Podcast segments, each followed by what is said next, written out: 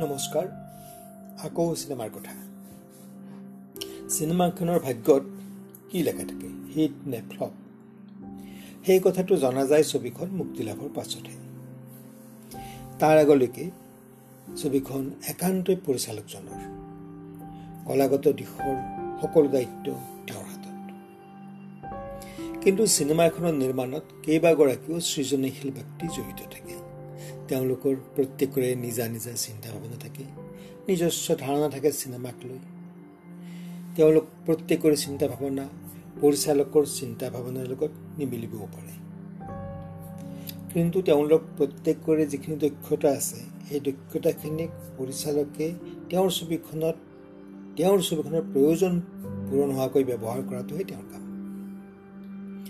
কাৰিকৰী দিশৰ যিসকল ব্যক্তি থাকে কেমেৰামেন শব্দযন্ত্ৰী সম্পাদক প্ৰত্যেকৰে কামৰ নিজা নিজা ষ্টাইল থাকে। তেনেদৰে পৰিচালকৰো এটা নিজা ষ্টাইল থাকে। ছবিখনৰ দৃশ্যবোৰৰ ৰূপ কেনেকুৱা হ'ব? মূল কাহিনীৰ মুদৰ লগত সেই ৰূপ কেনেদৰে মিলিব? দৃশ্যবোৰত ছাঁ পোহৰৰ অৱস্থিতি কেনেকুৱা হ'ব? সেইবোৰ চিন্তা কৰিব পৰিচালকে আৰু কেমেৰামেনে সেইমতে দৃশ্যবোৰ চিত্ৰায়িত কৰিব। এইটো এটা সৰু উদাহৰণহে চিনেমা এখনৰ প্ৰতিটো বিভাগৰ কৰ্মীয়ে তেনেদৰেই কাম কৰে।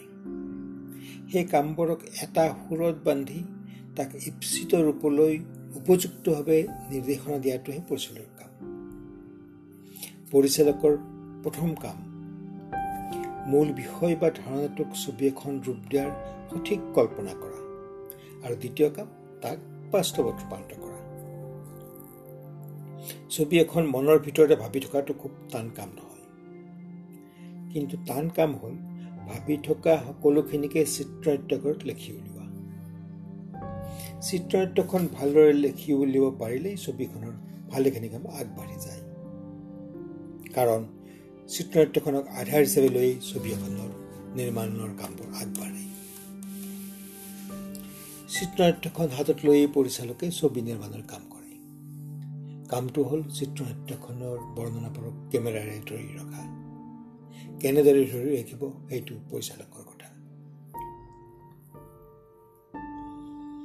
ধৰা হ'ল চিত্ৰনাট্যখনত লেখা আছে নায়কে চাইকেলেৰে কাঠৰ দলংখন পাৰ হৈ গ'ল। এই এটা সৰু দৃশ্য।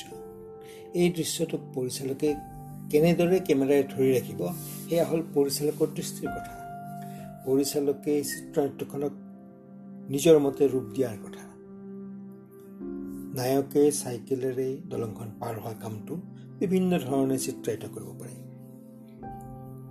ধৰা হ'ল লং শ্বটত দলংখন আছে আৰু দলংখনৰ দুয়ো মূৰৰ ৰাস্তাৰ কিছু অংশ এই শ্বটটোত দেখা গৈছে। কেমেৰা দূৰত পথাৰৰ মাজত কেমেৰাত ফ্ৰেমটো ৰাস্তাৰ ভূ সমান্তৰালভাৱে আছে। নায়কে চাইকেল চলাই সোঁফালৰ পৰা দলঙত উঠিছে আৰু চাইকেলেৰে বাওঁফালে পাৰ হৈ গ'ল। চিত্ৰনাট্যত লিখা মতেই দৃশ্যটি গ্ৰহণ কৰা হৈ গ'ল। তেনেহ'লে ইয়াত পৰিচালকৰ কাম কি থাকিল? এইখিনি কামটো অকল কেমেৰামেনেই কৰিব পাৰে। তেনেহ'লে পৰিচালকৰ কাম কি? পৰিচালকে ছবিখন আগতেই দেখা পায়। সেইমতে দৃশ্যবোৰ ৰচনা কৰে। এই চাইকেলৰ দৃশ্যটিৰ মূল শান্ত সৰল প্ৰকৃতিৰ হ'ব। নে দ্ৰুত উত্তেজনাপূৰ্ণ হ'ব তাক থিৰাং কৰিব পৰিচালকে।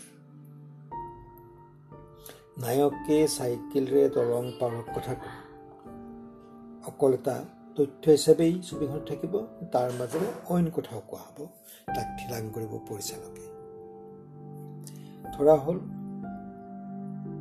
নায়কে চাইকেলেৰে দলং পাৰ হোৱাটো এটা দৈনন্দিন ঘটনা।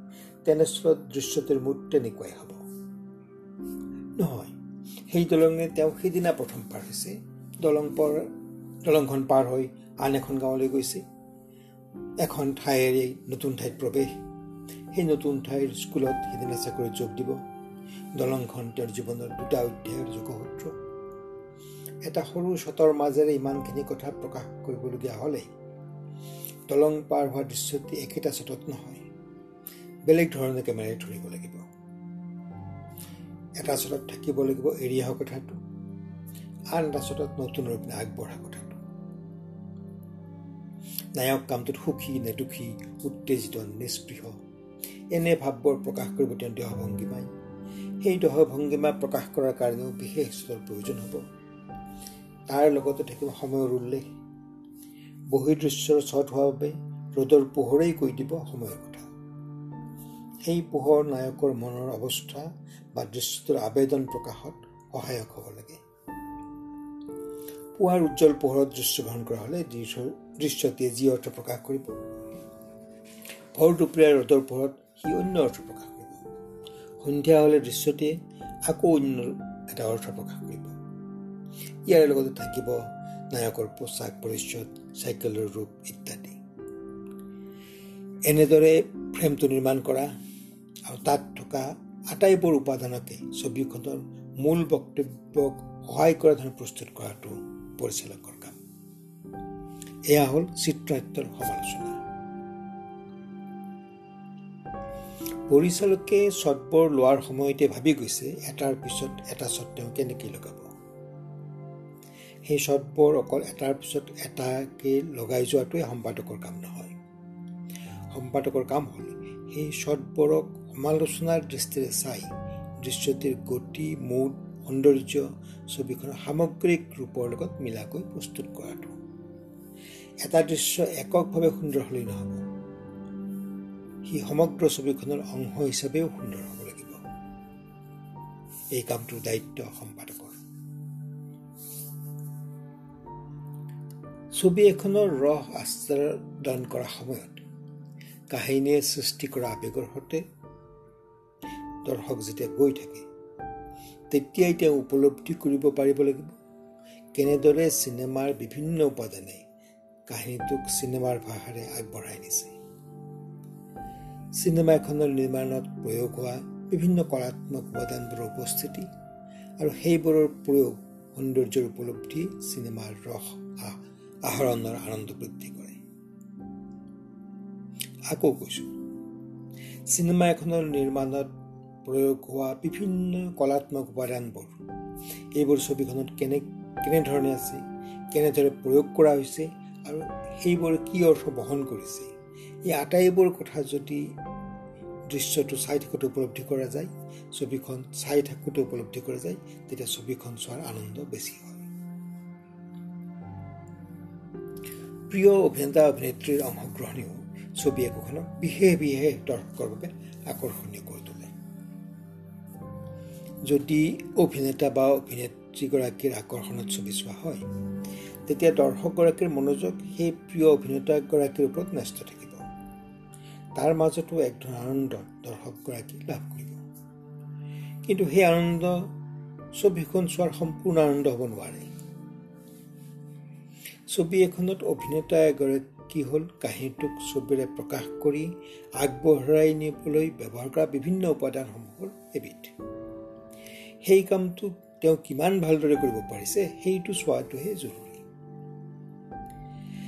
এটা সময়ত একোগৰাকী অভিনেতাক একোটা বিশেষ ৰূপত দৰ্শকে ভাল পোৱাৰ পিছত তেওঁ সেই সীমাৰেখাৰ বাহিৰৰ অন্য চৰিত্ৰত অভিনয় কৰিবলৈ ইচ্ছা নকৰে। কাৰণ তেওঁৰ ভয় হয় কিজানি দৰ্শকে তেওঁক আন ৰূপত গ্ৰহণ নকৰে। এতিয়া অৱশ্যে এই ধাৰণাৰ পৰিৱৰ্তন হৈছে। অভিনেতাসকলে সকলো ধৰণৰ চৰিত্ৰত অভিনয় কৰিবলৈ কুণ্ঠাবোধ নকৰা হৈছে। হিন্দী ছবিৰ এটা সময়ৰ অতি জনপ্ৰিয় অভিনেতা দেৱানন্দ দৰ্শকে তেওঁক সদায় দেখি আছে পেণ্ট শ্বাৰ্ট ডিঙিত স্কাৰ্ফ তেনেকুৱা বা শ্বুট পেণ্ট। আঁঠুমূৰীয়া চুৰিয়া পিন্ধি তেওঁ পথাৰত হাল বাই আছে এনেকুৱা এটা ৰূপত তেওঁক কল্পনা কৰাটো কঠিন। কিন্তু অম্পুৰীৰ দৰে কিছুমান অভিনেতা আছে তেওঁলোকক সকলো চৰিত্ৰতে কল্পনা কৰিব পাৰি। ওমপুৰি পথাৰত কাম কৰা শ্ৰমিকৰ চেহেৰাৰে ওলাব পাৰে।